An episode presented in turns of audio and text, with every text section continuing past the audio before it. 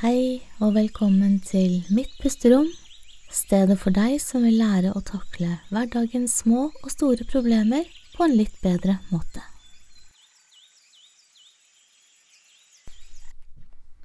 Godt nyttår. Riktig godt nyttår. Nå er vel julemiddager og alt mulig overstått. Og ja, vi skal snakke i dag om nyttårsfortsetter. Ja, du var veldig rask til å gå videre til det nye året, liksom. Det er ikke Skal vi prøve på nytt, da? Nei, vi trenger ikke det. Vi, skal, vi trenger ikke å prøve på nytt. Men jeg bare tenker at det er vel eh, Hva syns du om 22? 22. Vi er ferdig med 2022. Hva syns du om året som har vært? vært? jeg tenkte 22. desember. Nei, noe som skjer den dagen, tenkte jeg.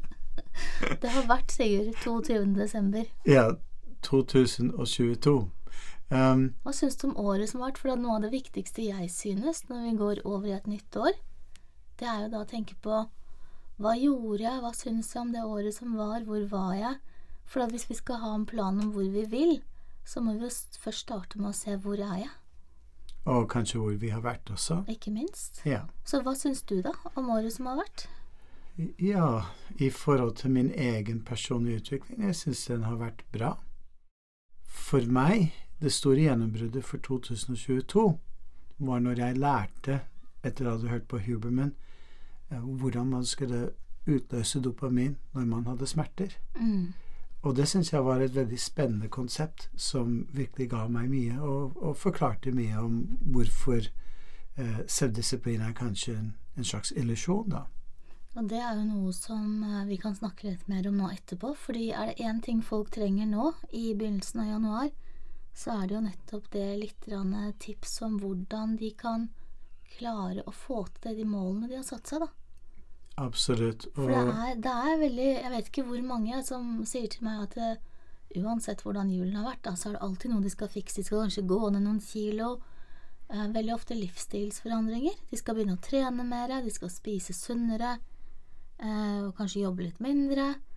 Men det er veldig få som kommer til meg og sier at jeg har lyst til å jobbe med meg selv personlig. De sier, det er så mange ting der ute de skal gjøre. Men det jeg syns er spennende, som alltid syns er spennende, er jo å se hvorfor er det så viktig for deg, da. Hvorfor er det så viktig for deg å spise sunnere og la oss si jobbe litt mindre? Hva er det som driver deg til det?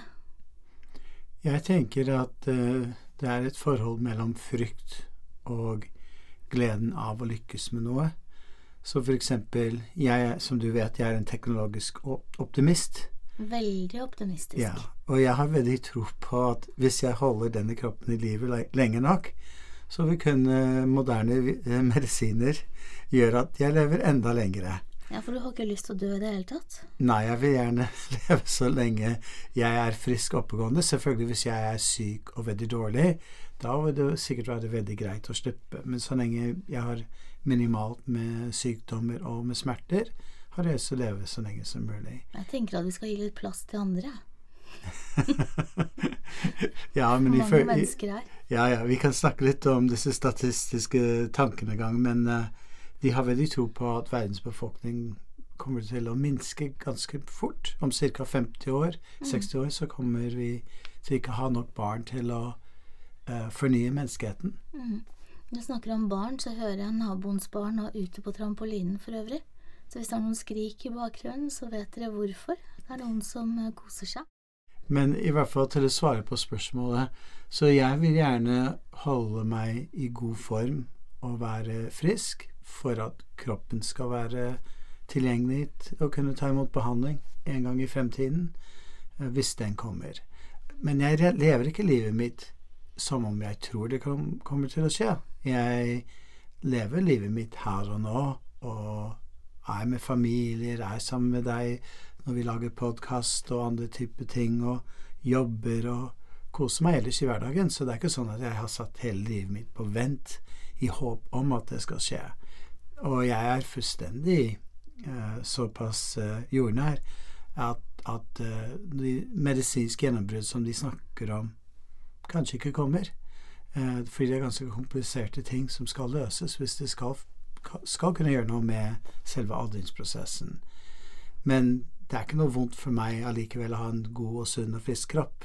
Og det som er litt fint med det du sier, da, selv om jeg er veldig, veldig, veldig uenig med deg om dette her i forhold til alder og sånn, men den diskusjonen skal vi ikke ta her, i hvert fall ikke offentlig. Den har vi hatt mange ganger allerede. Men det jeg syns er veldig fint med det du sier, er jo at du har en visjon, du har et mål som er veldig hårete.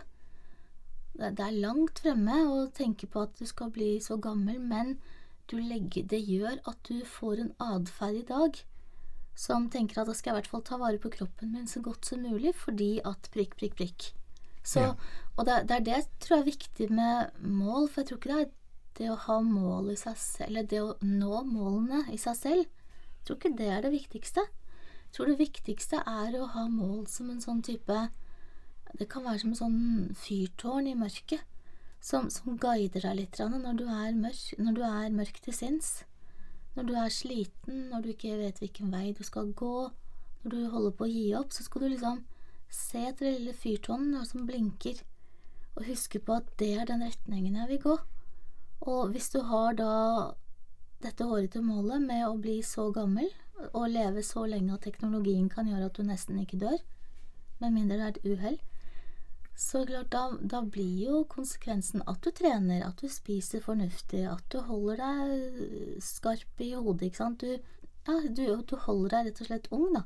Fordi at du har et håp om å bli enda eldre.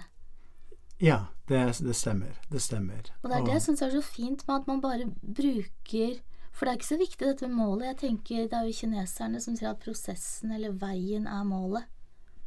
Veien er målet, og det er så fint. For det er jo det som er en prosessorientert tankegang. Det minner meg litt om dette med hun Dweck, som snakker om Carol Dweck. Carol Dweck, ja, som snakker om dette med forskjell mellom sånn det vi kaller for fixed mindset og growth mindset. Det er fixed mindset. Da, da er målet å prestere bra og få toppkarakterer. Mens growth mindset er målet å lære av sine feil. Hvis man prøver å gjøre det til en praktisk eh, gjøre det om til noe praktisk, så kan f.eks. hvis målet er å gå ned fem-seks kilo, så tenker du ok, når jeg bare kommer til 55 eller 60 eller 65 eller hva det nå enn måtte være, da er jeg i mål. Og hva skjer da når vi er i mål? Da går vi tilbake til å gjøre sånn som vi gjorde før. Men hvis man er på en prosess, så tenker man også Identitet er jeg veldig glad i å jobbe med, så hvis man tenker hvis jeg er et menneske som veier da 55 eller 60 kilo, ok, hva slags liv lever jeg da? Hva er vanene mine da? Hva gjør jeg da? Hvordan oppfører jeg meg? Hva slags mat kjøper jeg i butikken? Hvor ofte spiser jeg? Når jeg veier det jeg ønsker å veie? Og da tenker man på prosessen, og hvis man da eh, for eksempel ikke alltid klarer å spise det man burde spise, så kan man ut fra det prosess-mindset som Carol Dweck snakker om, sette seg på kvelden, reflektere og tenke ok, hva var grunnen til at jeg kjøpte den uh, smultringen på vei hjem? Hva skjedde egentlig? Istedenfor å bli sint på seg selv og tenke ok, nå har jeg spist en smultring, hadde jeg like godt spist de andre fem også. En av de tingene jeg er veldig glad i å gjøre, er å reflektere. Mm. Så jeg skriver opp en intensjon for dagen, og så neste morgen så vurderer jeg hvor flink jeg var til å leve i forhold til den intensjonen. Og læringen for meg handler ikke om, om å være 100% vellykket i forhold til å nå de intensjonene, fordi da har ikke jeg stukket meg, da har ikke jeg gått utenfor komfortsonen. Så de gangene hvor jeg feiler, det der jeg mislykkes, det er der jeg reflekterer over og lærer av prosessen. Mm. Og for et år siden så gjorde jeg det i forhold til vekta mi, og, og klarte da gjennom hele 2022 å holde en vekt som er 10-12 kilo mindre enn det jeg var for et år siden. Du har vært kjempeflink? Ja, jeg vil si Jeg liker ikke ordet flink, men jeg vil heller okay. si at jeg har hatt fokus på prosessen, som du sier. Mm. Så hvis jeg en sjelden gang spiser sjokolade eller godteri og, og skeier ut i to-tre dager, så vet jeg nøyaktig jeg, jeg, lager ikke noe Det er ikke lenger noe sånn, sånn guilt trip rundt det. Jeg blir ikke lei meg eller frustrert fordi det trigger enda mer spiseatferd. Jeg bare går inn i meg selv, og så går jeg litt tilbake til de prosessene som gjør at jeg på en naturlig måte går tilbake til den vekta som jeg var. Så det er prosessen jeg er mer opptatt av enn å holde en viss bestemt vekt. Ja, og så sa du noe med guilt-tripping her. Hvis du da skulle snakke veldig hardt til deg selv, så én ting er at det vil antagelig bare trigge mer spise Altså mer matlyst, og særlig da snop. Men en annen ting som sånn guilt-tripping gjør, er jo at det suger oss fullstendig tom for energi. Vi blir bare tunge, dvaske, hjelpeløse eh, sånne potetsekker som sitter i sofaen og synes både litt synd på oss selv og fordømmer oss selv og har egentlig bare lyst til å gjemme oss bort. Så den, den følelsen der er jo ikke spesielt lurt å gå ned i det hele tatt. Så er det så enkelt som også at de ordene vi bruker om oss selv, om hva som skjer, det skaper jo et perspektiv. Da. Det er den måten vi, vi jobber jo med det på kontoret hele tiden. Vi endrer jo menneskers perspektiv på livet og på seg selv ved å få dem til å endre eh, ordene sine. Absolutt. Og det er så enkelt som at ordene skaper, kan endre perspektiv. Og et nytt perspektiv kan føre til ny atferd. Og ny atferd kan bli en ny vane, og dermed så får du også et nytt liv. Hvis vi går litt tilbake til dette med å miste energi Det mange folk gjør feil når de mister energi, er at dette er en såpass ubehagelig følelse i kroppen. Det er, det er veldig ubehagelig å, å, ikke ha energi til å gjøre det du egentlig har lyst til. Og da blir man veldig, veldig frustrert. Man blir enda mer tappet for krefter. Og så begynner man å tenke sånn som jeg gjorde før, da. Oi, kanskje jeg er sulten.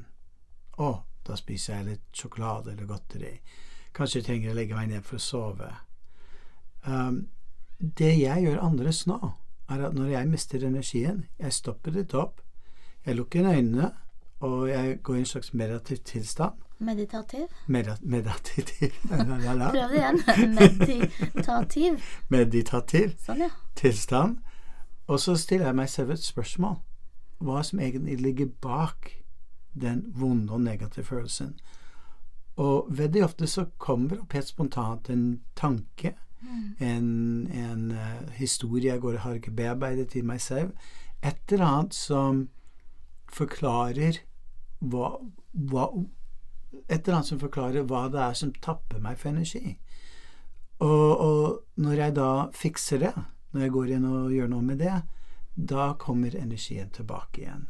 Og Da har jeg lyst til å legge til en ting, for det du sier nå, det krever jo faktisk at du er stille nok lenge nok da, til at du hører hva som egentlig foregår inni hodet. Og der tror jeg veldig mange gjør feil, fordi de har alltid på seg AirPods med musikk eller podkaster eller eh, lydbøker. Det er alltid lyd. Og for å få til å virkelig kjenne etter, så må du kanskje være stille lenge nok til at du hører hva det indre hvisker. Og da kan du selvfølgelig gjøre det gjennom å meditere, men det trenger ikke være så omfattende heller. Du kan bare sette deg ned i fem minutter, se på solnedgangen, soloppgangen hvis du er tidlig våken, puste litt, bare være til stede i kroppen i øyeblikket og kjenne med vennlighet hva, hva skjer egentlig, hva er det som driver dette? Vennlighet er clouet her. Ja, du fortalte meg for lenge siden vi snakket om dette med innvikling og utvikling. Mm. Og når man blir sint og sur og irritert på seg selv, det er en form for innvikling. Du bare får mer av den negative stemningen i deg selv. Mens sånne følelser som nysgjerrighet, det å stille spørsmål, det å undersøke hva som ligger bak, da får du til en veldig fin utvikling. Mm. Jeg er helt enig med deg. Så målet med denne podkasten her er jo da å prøve å gjøre det så konkret som mulig. Hvordan du som lytter til dette sannsynligvis kan komme i mål da, med det du ønsker eller drømmer om, eller de målene du har satt deg. Så skal vi prøve å gjøre det litt strukturert, Sigurd. Noe av det første, noe av det viktigste hvis du har et eller annet mål, uansett hvor stort det er, så tenker jeg at eh, det er viktig å se at det ligger langt foran oss, sannsynligvis så må vi begynne å bryte det litt ned. Fordi hvis vi har en forventning om at vi skal gjøre det litt for fort, da, eller at det skal bli lett, så vil vi sannsynligvis eh, hoppe av ved første hindring og si dette her gidder jeg ikke, det orker jeg ikke. Så bryte det ned, sånn at du har Det er hva heter det på norsk manageable. Overkommelig. Overkommelig, ja. Vi må ha overkommelige små um, seire som vi får litt mestring av. Vi får litt energi, vi får litt håp, vi får litt mot, vi er litt stolte. Og vi får håp om at det er mulig å få til noe mer. Og da kan vi bruke den energien til å gå videre. Det er i hvert fall én veldig viktig ting. Hva for noen andre ting har du? Jeg tenker I forbindelse med det så snakker eh, Andrew Huberman om dette med det visuelle systemet vårt. Vi mennesker responderer veldig bra på å ha en kort horisont hvor vi ser en målstrek vi skal krysse. Så en ting som kan være viktig, er å se for seg målstreken i forhold til den første milepæl som skal til for å komme videre til det neste målet, så at du, du føler du, du lykkes oftere enn en når du ikke lykkes. Eh, avhengig av hvordan du definerer det å lykkes, da. Fordi noen ganger så kan du også si at selve læringsprosessen er viktig, men læringsprosessen kan også bli et eh, forsvar. Det har jeg brukt i mange år. Ja, ja, men jeg er i prosess, sier jeg da. Og så, du er så, flink til det. Og så tror jeg bare vann. Jeg holder hodet over, over vann, men jeg bare blir stående stille på mange av de målene jeg har satt for meg tidligere. Så, så det er veldig viktig å, å ikke la prosesstankegangen i seg selv bli et forsvar. Og du nevnte dette her i forbindelse med de små Sette opp disse nære målstrekene, disse milepælene som ligger i ganske i, i, ikke så langt inne i, frem i tiden. Uh, det som også er viktig der, er den visjonen du snakket om. Fordi visjonen kan bestå av 'hvorfor vil jeg dette?' Oftest en visjon er knyttet opp til en større mening. Men vi mennesker er også drevet av pisken. Så gulroten er kanskje hva vi tror vi kommer til å oppleves men pisken bør være det vi er redd for. Og pisken er veldig annerledes enn guilt-tripping.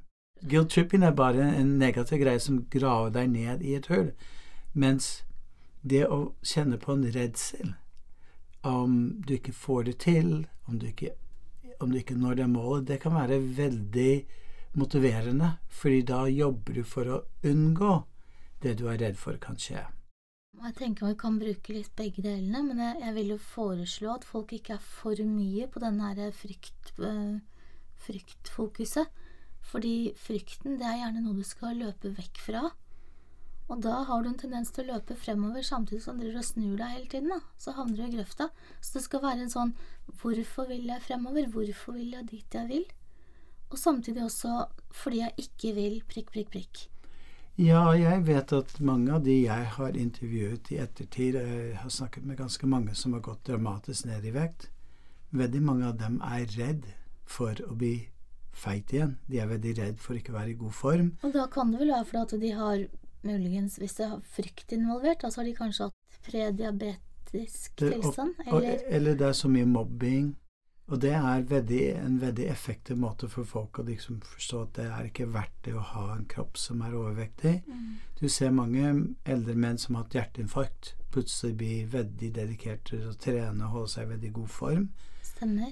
Så vi ser at frykt er en veldig motivator, i, i hvert fall i forhold til livsstilsendringer. Jeg mm. vet ikke om det er en så stor motivator for andre typer mål som man skal nå. Hva tror du? Jeg tror egentlig det er en stor driver for det meste. Jo, jeg tror absolutt at det er en stor driver.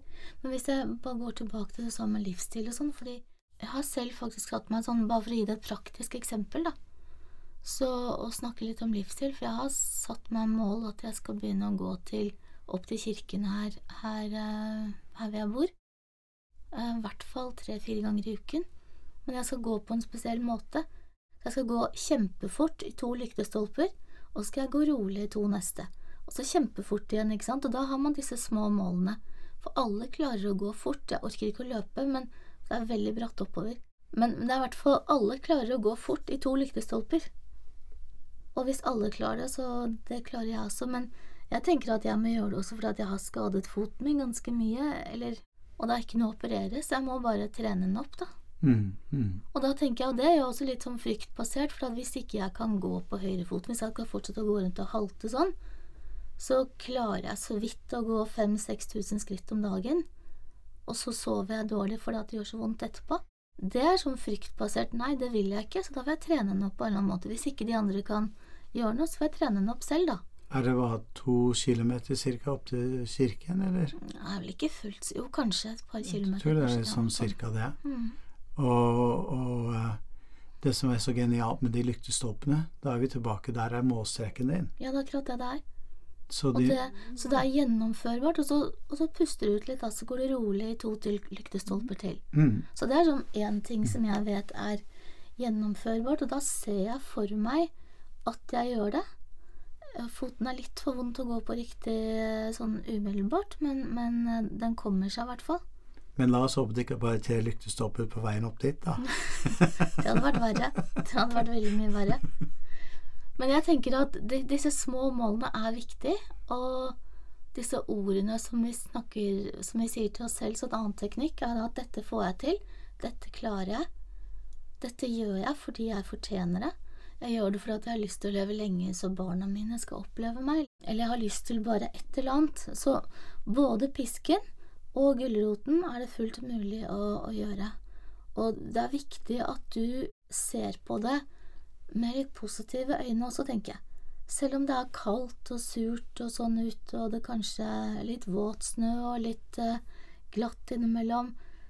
Men jobb deg gjennom hindringene. Se for deg allerede nå når du er hjemme, hvordan kommer jeg til å takle at det er superkaldt ute? Hvordan skal jeg komme meg forbi den hindringen? Hvis ikke vi planlegger hvordan vi skal komme oss gjennom hindringene, så er det stor sannsynlighet for at da bare når det endelig mm -mm, Det er for kaldt. Mitt største hinder er at jeg er en tidsoptimist. Så jeg blir veldig frustrert, for hver morgen så lager jeg en sånn gjøremålsliste.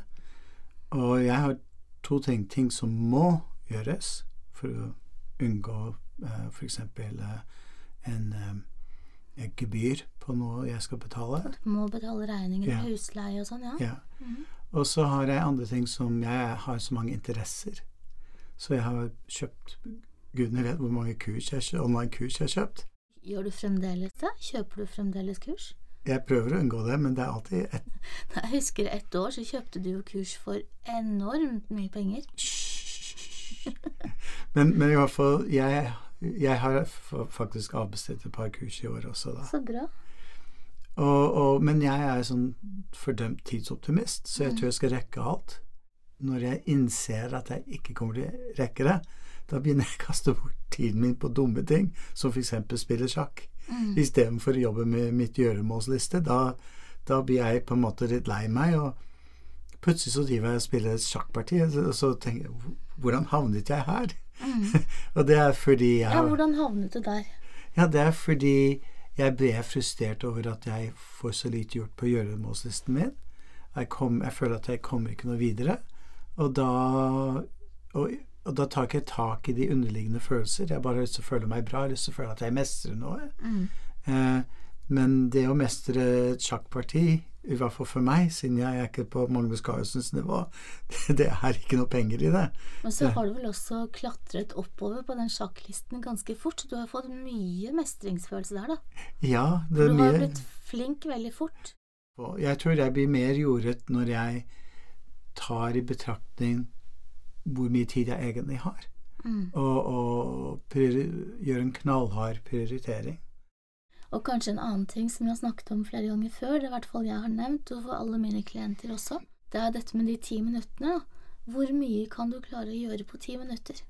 Mm. Hvor mange regninger kan du få betalt på ti minutter? Hvor langt i prosessen kommer du på ti minutter? Og det er overraskende mye mer enn det vi tror. Men, så det er en annen sånn fin liten tips da, som du kan bruke. Bare prøv det du ønsker å få til, beveg deg i riktig retning i ti minutter. Sett alarmen på telefonen. Og det er så mange, annet unge mennesker, som har kommet til meg, som, som sliter fælt med skolen. Og så sier de at jeg orker ikke å begynne med matteleksene, jeg bare hater matte. Så sier jeg, men Du kan hate matte i to minutter, så kan du sitte og skrive ned alt det du hater med matte, og liksom bare Sett alarmen igjen på telefonen. To minutter hating. Skriv alt hva du misliker, syns det er forferdelig, og, og den kan jeg leve meg litt inn i selv. Det å drive og blande tall og bokstaver og sånn, har jeg aldri skjønt poenget med. Så ligninger sånn, det skjønner jeg ikke.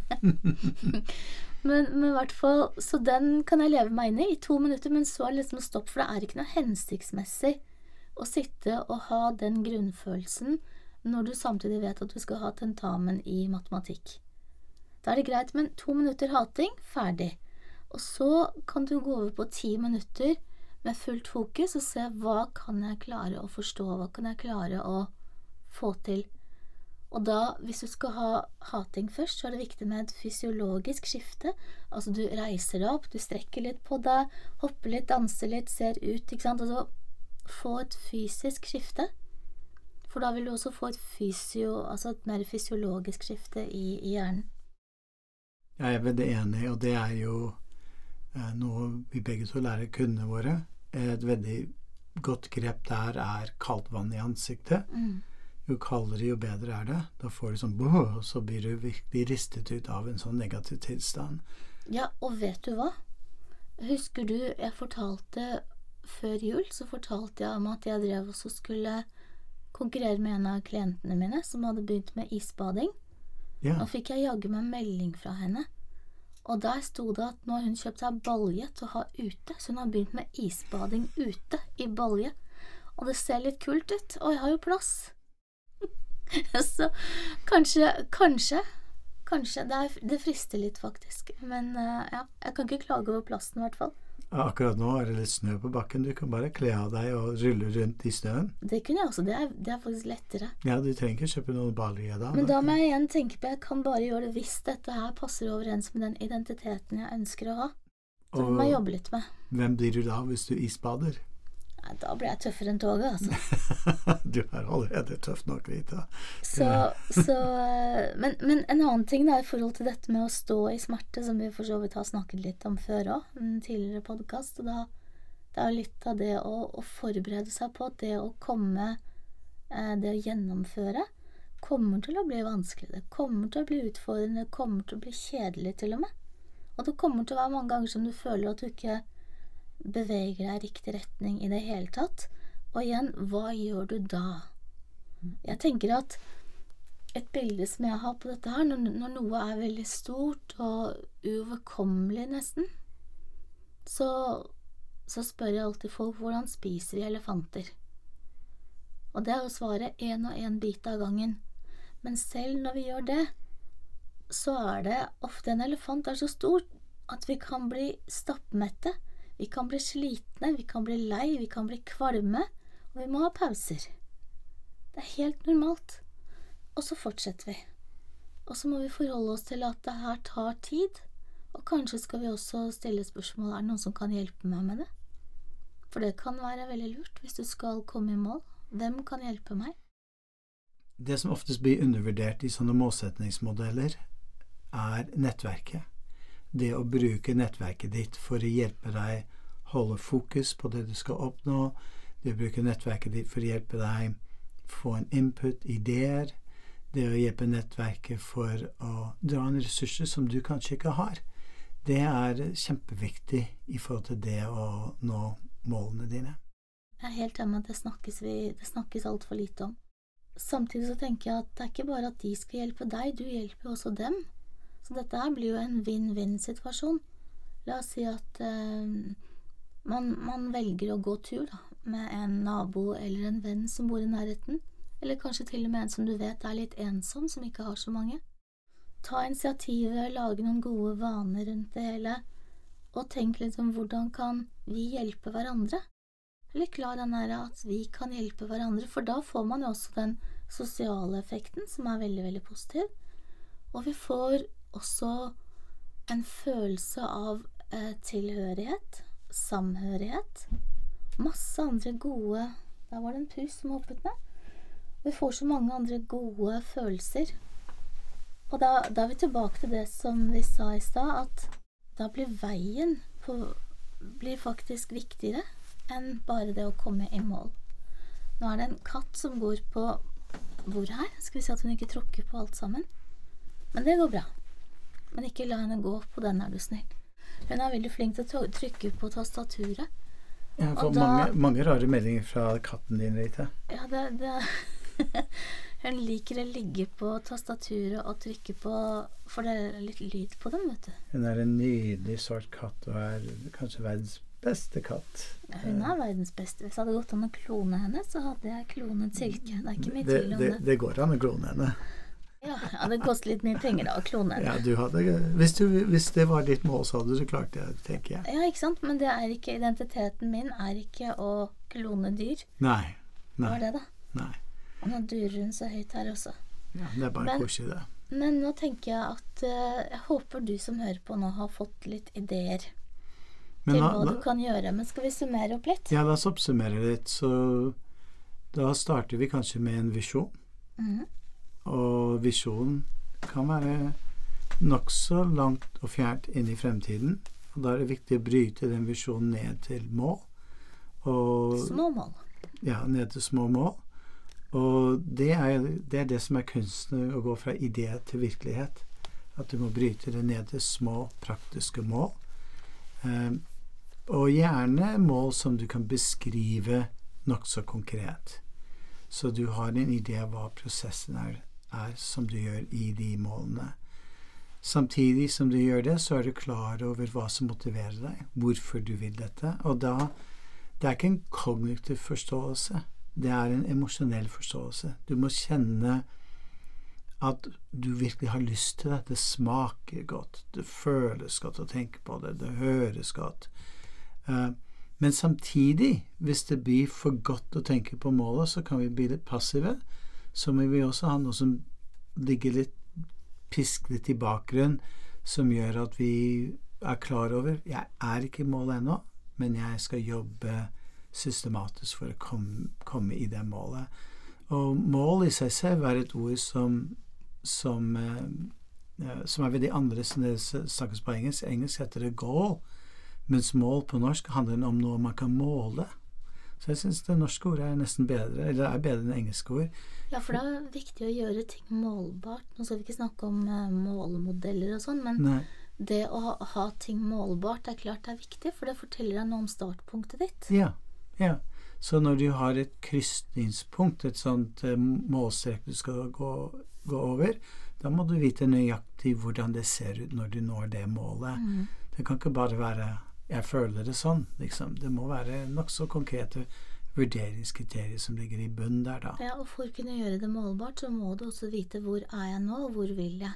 Mm, Enten det er kilo som viser seg på vekten, mm, eller sånn som i mitt tilfelle, at eh, jeg skal ta tiden på meg selv og se hvor lang tid jeg bruker på å gå opp og ned til kirken. mm. Ikke sant? Og det, da, da er det noe som Da får jeg, i hvert fall hos meg, som du vet, konkurranseinstinktet er sterkt.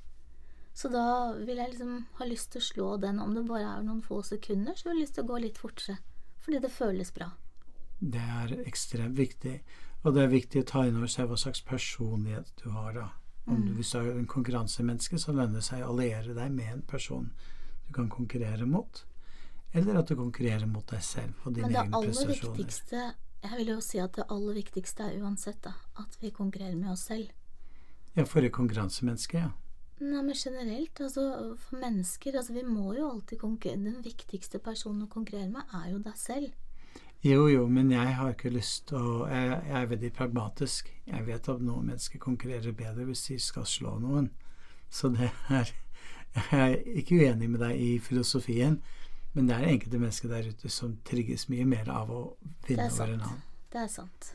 Så hvis vi nå går tilbake til en annen ting som jeg også nevnte før, sa at ordene dine, de skaper et perspektiv. Mm. Det perspektivet som du velger, det gjør eh, noe med atferden din, altså hvordan du handler. Og hvordan du handler, det vil jo gang på gang vil bli en vane.